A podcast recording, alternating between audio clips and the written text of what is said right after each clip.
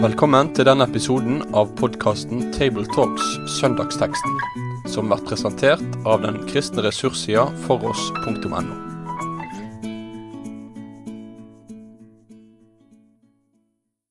Heia, og velkommen til eh, Tabletalks-episoden for denne uka. Mitt navn er Øyvind Ruud Kringstad, og jeg er redaksjonsmedlem i foross.no. Og med meg så har jeg Jon Syver Nordby, pensjonert sogneprest, bosatt i Lavangen. i Nord-Norge. Ja. Sjøl om ingen av oss har dialekt herifra, da. Nei, det stemmer nok. Sånn er det. Før vi drar i gang, så vil vi igjen bare minne om For oss-konferansen. Det blir veldig bra. Programmet ligger nå ute på foross.no. Eh, Joel Beerman blir hovedtaler, pluss flere gode krefter. 8. til 9. november i Oslo. Så meld dere på der.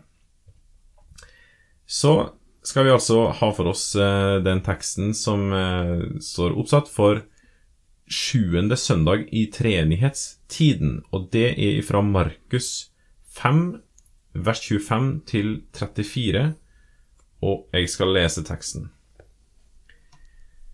Det var en kvinne der som hadde hatt blødninger i tolv år. Hun hadde lidd mye hos mange leger. Alt hun eide, hadde hun brukt uten å blitt hjulpet. Det var heller blitt verre med henne. Hun hadde fått høre om Jesus og kom nå bakfra i folkemengden og rørte ved kappen hans. For hun tenkte, om jeg så bare får røre ved klærne hans, blir jeg frisk. Med en gang stanset blødningen, og hun kjente på kroppen at hun var hel blitt helbredet for plagen. Og det, i det samme merket Jesus at en kraft gikk ut fra ham, og han snudde seg i folkemengden og sa, Hvem rørte ved klærne mine? Disiplene sa, Du ser hvordan folk trenger seg inn på deg, og så spør du hvem som rørte ved deg. Men Jesus så seg omkring for å få øye på den som hadde gjort det. Kvinnen skalv av redsel, for hun visste hva som hadde skjedd med henne, og hun kom og kastet seg ned for ham og fortalte ham alt det, alt som det var. Da sa han til henne, Din tro har frelst deg, datter. Gå bort i fred, du skal være frisk og kvitt plagen din. Uh, ok, Josiver. En spennende tekst. Ja, det er en dag i Jesu liv eh, som er fylt av dramatikk, både for han selv og dem rundt ham. Ja, virkelig. Eh, og skal vi si noe om søndagen eh, denne teksten da står i, i tekstrekken, så, så går det an å ta et sideblikk på de andre tekstrekk, eh, andre eh, tekstene for denne søndagen Ja. i tekstrekkene. Og der fremheves jo Jesu omsorg for den enkelte. Um, etter første rekke så er det den ene sauen og den ene sølvmynten som blir borte og funnet igjen. Mm. Og så er det om Sakkeus, som Jesus eh, får øye på. I andre tekstrekke. Ja. Og så er det Jesu omsorg her for en alvorlig syk kvinne. Ja, og så er vi også Vi er jo ikke kjempetidlig lenger, men relativt tidlig i Markus-evangeliet. Og jeg har forstått det sånn at eh, det går et skille rundt kapittel 8 hos Markus, midt i omtrent, der det fram til det, altså i den delen som vi gjør nå, så utforskes på en måte Jesu identitet. Så han, ved det som skjer her, så kan vi også tenke at han eh, ja, på en måte plasseres litt. Rett og slett. Vi blir litt kjent med hvem Jesus egentlig er. Og det gjør vi jo virkelig i det som skjer her. Ja, absolutt. Og det er jo eh, Denne beretningen er jo på en måte en del av en større fortelling. Ja, Den er jo et innskudd i en annen fortelling, egentlig. Ja. Eh, så jeg holdt på å si det var en parentes, men, men Jesus er jo på vei eh, til Jairus sitt hus, hvor eh, denne datteren til Jairus ligger dødssyk. Ja. Og, og så eh, stopper Jesus opp Ja, eller han blir stoppa, da. Ja. Ja. Og, ja, for det her blir jo spekulativt, selvfølgelig, men hun Jairus sin datter, hun dør, hun, Mm. mens det her skjer. Mest sannsynlig, da.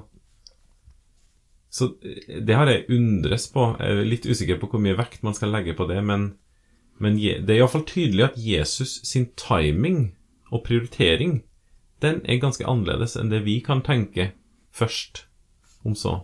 Han hjalp jo hun dama her, men, men det var jo Jairus sin datter han skulle hjelpe, og hun døde faktisk mellom, mens det her skjedde. Ja. Da ble jo hun vekk til liv igjen etterpå igjen, da. Så det blir litt sånn Men der er noe rart. Vi, jeg hadde Mest, mest sannsynlig så ville ikke vi tenkt på den måten her, altså. Det er i hvert fall lett å tenke seg at eh, Jairus og sikkert flere var litt urolig og lurte på Jesus. Nå var det jo jeg som hadde bestilt deg. Ja, Det Så- bør ikke ta for lang tid, det her. Eh, og samtidig er det noe med det at, at Jesus kan gi mer enn det vi ber om. Mhm.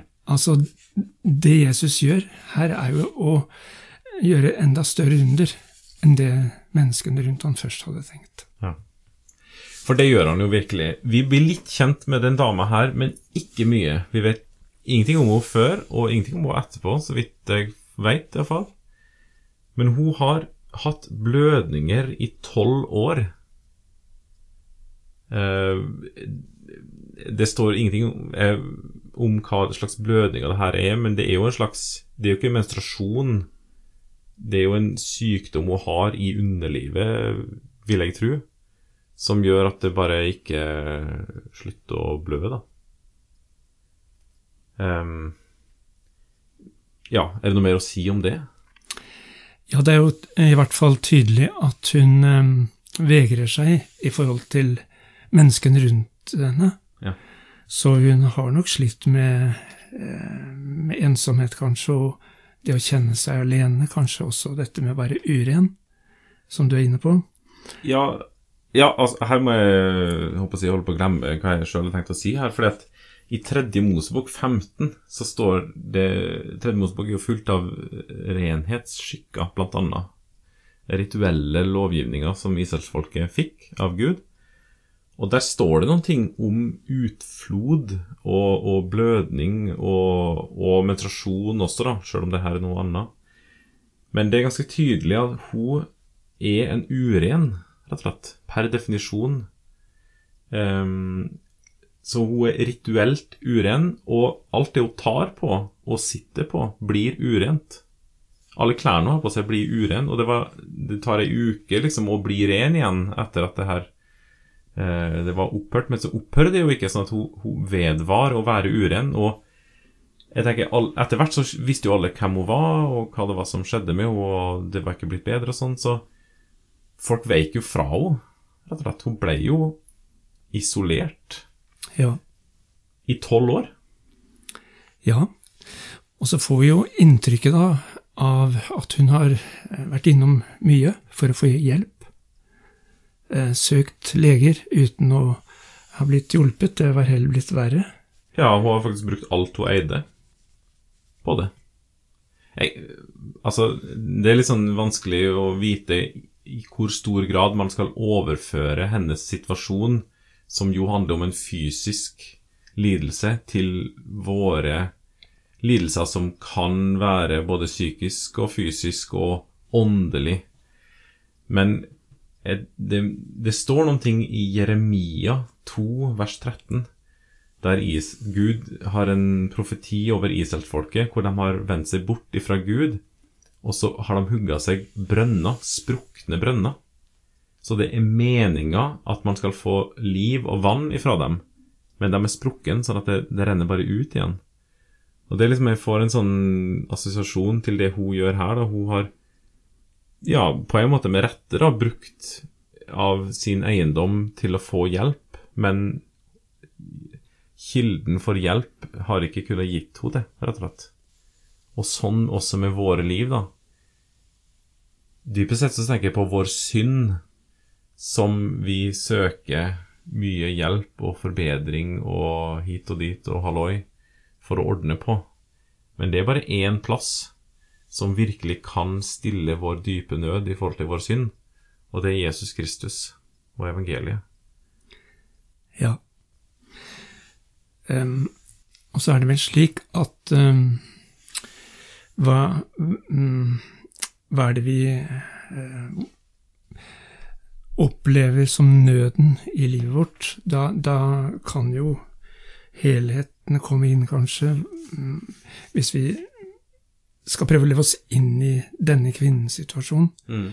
så er det vel ikke så vanskelig å kjenne seg igjen eh, og denne diagnosen som, som vi får i, i teksten. Det går jo an å tenke at vi kan legge noe av våre smerter inn i det, og om det er fysisk eller psykisk, Mm. så hadde hun vel en skamfølelse, tenker jeg, i møte med andre. Ja. At hun kjente seg um, utenfor Mm. og hadde brukt det hun kunne av menneskelige midler, så alt håp var på en måte ute. Mm. Um, Ja, hun hadde gjort Vi kan ikke klandre henne for å ha gjort det heller. For, for hun gjorde det som sto i hennes makt. Men så står det jo helt fantastisk, da, her uh, i vers 27 For alt håp var ikke ute, nemlig. Mm. Hun hadde fått høre om Jesus. mm. ja. Vi kan jo undre oss hvordan hadde det skjedd. Var det andre som hadde fortalt om at de hadde fått hjelp? Um, I alle fall, hun kommer. Og det er jo eh, veldig rikt å se det. Og det er jo det vi håper i, i våre sammenhenger. Vi får lov å så ordet, forkynne evangeliet, slik at mennesket skal få komme til Jesus. De skal få møte ham. Mm. Jeg syns det er så flott. Hun hadde hørt om Jesus. Enkelt og greit, på en måte. Hun hadde ikke veldig stor kunnskap nødvendigvis. Hun hadde ikke en sånn kjempereflektert forhold, mest sannsynlig, nå bare tenker jeg da, men til det som skjedde nå. Men hun kom. Og det er jo et uttrykk for en tro Mm. i det her. Vi kan vel tenke at når vi forteller om Jesus, når vi forkynner evangeliet, så kan noe av denne kunnskapen bli levendegjort Mm. hos tilhørerne våre. At eh, det er noe som kan bli vekket opp av det de har hørt før, det som ligger der, Mm. som kan drive dem til Jesus på nytt. Ja, så tenker jeg det skal gi frimodighet til oss.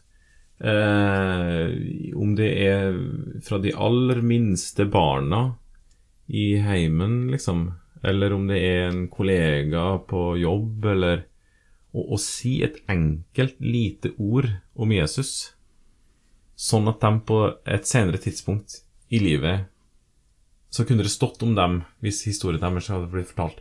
Jeg fikk høre noen ting om Jesus. Mm. Og derfor så kom jeg på et senere tidspunkt, eksempel. Det var sådd noen ting, da. Det er jo fantastisk. Kvinnen har en tillit til Jesus som viser seg da- ved at hun, hun tenker bare jeg får røre ved det ytterste av klærne hans. Mm. Det var ikke noen sånn sterk tro i det ytre, og samtidig det var en stor tillit. Ja. Og, og det ga uttelling, det. Ja, det skjer noe. Ja, det gjør det.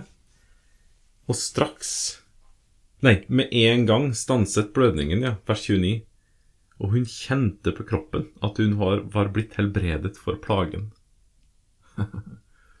Tolv år lettes av skuldrene.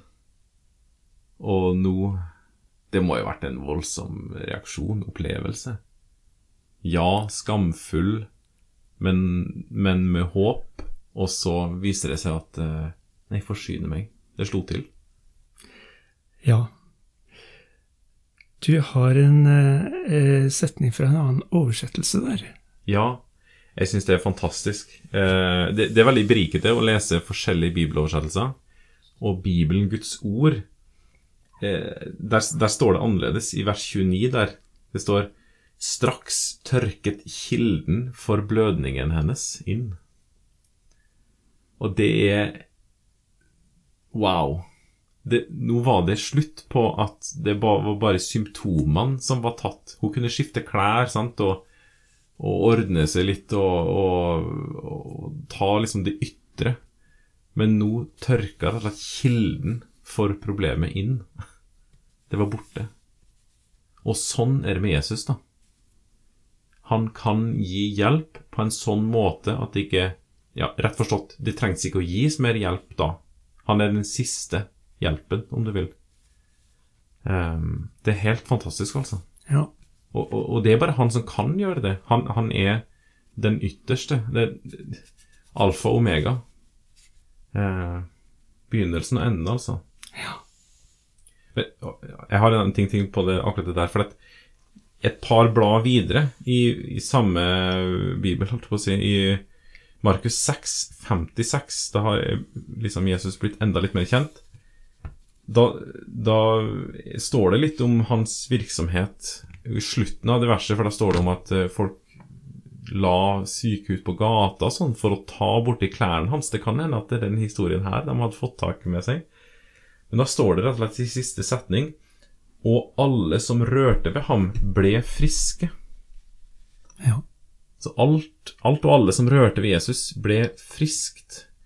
Og det som skjer her med den kvinnen her, det er helt, helt enormt, altså. Jf. det som jeg sa i stad med, med renhetsforskriftene. For hun var vant til hele sitt liv Ja, ok, de tolv sykdomsårene sine av sitt liv, som var stor del. Eh, så var hun vant til at alt hun tok på, det ble urent. Og, og, det ble definert ned, på en måte, eh, ja. etter at hun var borti det, inkludert hun sjøl. Men nå møter hun en annen makt som fungerer motsatt, direkte motsatt. Alt Jesus tok på, alle som tok på Jesus, de ble friske. De ble rein. Eh, det urene møtte sin overmakt. Og det jeg syns det er så sterkt altså, å se hvordan hun eh, rett og slett får ta del i akkurat det her, da. Ja, hun møter en annen kilde. Ja. Um, så derfor blir det en kontrast. Uh, og hun får møte Jesus som frelser. Uh, og vi ser jo eh, disiplene, de de er med eh, fordi Jesus eh, merker at det skjer noe også. Det går, mm. går, en kraft ut fra ham, og så eh, snur han seg om i, i, mengden og spør hvem det var som rørte ved ham. Mm. Og disiplene eh, sier at alle trykker jo på det eh, fra alle kanter her, så, så de forstår ikke det. Nei. Men Jesus han vil altså eh, fram til den ene blant de mange ja. rundt ham. Ehm, og det forteller meg litt om eh, Jesus som den som oppsøker, eh, som frelser, som ser um, Det er vel Trygve Bjerkrheim som har denne sangen 'Jesus teg seg av den ene', mm. som om ingen andre var. Uh, slik er Jesus. Mm. Ja, og så har jeg også tenkt på akkurat det der det er jo et berettiget spørsmål som disiplene stiller. Det var mye folk der, og hvordan i all verden Her er jo folk borti deg hele tida. Men hvorfor var det bare hun som fikk hjelp, da? Det her er også en spekulasjon, altså, men, men vi vet jo hvorfor hun søkte hjelp, og vi vet litt om hennes motiv og sånne ting, og hva hun på en måte fikk av forløsning i møte med Jesus. Så jeg tenker for min del at her er det en person som som um, må ha tak i det Jesus virkelig eh, dypest sett kom for. Altså hans eh, dypeste Skal vi kalle det dypeste? Jeg vet ikke helt, men iallfall hans identitet og hans oppdrag. Her er det som rører ved det, rett og slett. I, i Matteus 1,21 så står det om Jesus når han fikk navnet sitt. At han fikk navnet Jesus fordi at han skal frelse eh, sitt folk fra deres synder. Så hun rørte ved hans dypeste person, rett og slett. Han kommer for å søke og finne det bortkomne, for å gi liv og overflod. Ja. Så, så hun trengte det, og da fikk hun det. Alle de andre det kan være at de rett og slett ikke hadde behov for de tingene. Og da var det greit å være interessert i Jesus og fascinert av han og sånn, men det var ikke derfor han kom. Han kom for å um, gjøre de syke friske. Det er ikke de friske som trenger lege, men de syke, sier Jesus en annen plass. Jesus har nok sett at her er det en, en tro som, som, nærmer seg ham, og hjelper denne kvinnen fram eh, idet han vil ha henne eh, På banen? ja. Eh, og hun åpner seg. Hun forteller til Jesus, betror hele livet sitt, Ja. nesten. Um, og det gjør hun mens folket rundt ser på. og Da tenker jeg at det også er et sjelesørgerisk aspekt, at Jesus vil hjelpe denne kvinnen inn i det sosiale livet igjen. At her får de andre rundt henne se hva som skjer. Nå kan de møte henne etterpå på en annen måte enn før. Ah, Han løfter henne opp. Ja, Ikke bare med det som han akkurat sier, men i settingen også. ja. Ha, stilig. Men du, Jon Iver, vi må si en ting til om akkurat det her. For det som er Det er fantastisk å lese om det her, sant? Det, det er kjempeflott altså, Ja, det er så sterkt, altså. Og så løfterikt og veldig flott å lese om det. For dette kan gjelde, det gjelder oss også. Men for de aller fleste av oss så er det ikke sånn at vi opplever en momentan helbredelse verken for vår fysiske sykdom eller den psykiske sykdom eller andre sosiale ting nødvendigvis. Vår synd, den tar han momentant bort når vi kommer til han. Men, men eh, de aller fleste av oss vil jo ikke oppleve det på samme måten som hun her. Og da kan det være at når man leser en sånn sånn tekst som det her, så blir det bare på en måte en sten til byrden.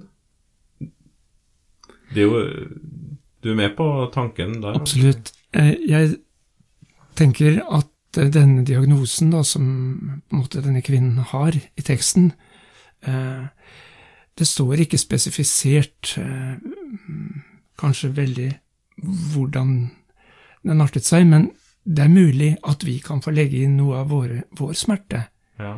inn i det som står. Det er jo slik med Paulus sin torn i kjødet. Når det ikke står mer om hva det er, så kan vi få lov å, å tolke det som at det er plass også for noe av det jeg bærer på Ja. eh, her. Og, og slik også med denne sykdommen, enten vi nå kjenner mest på det fysiske eller psykiske, så er det hos de fleste av oss ting som vi kjemper med av og til, og, og våre smerter. Mm. Og da tenker jeg at um, um, Jesus um, er med oss også når, når vi ikke opplever uh, bønnhørelsen. Mm. Ja, opplever det sånn som vi eh, gjerne skulle sett det, i alle fall. Ja, det som skjer her er jo på en måte et tegn eh, på at Jesus hjelper også i sykdom, Mm. men, men det rammer oss ulikt. Eh, men vi har alle del i tegnet. Og vi ser også det når Jesus kommer til Jairus sitt hus og vekker opp datteren fra de døde. Ja. Det er også et tegn som peker framover. Så begge disse underne eh, foregriper noe.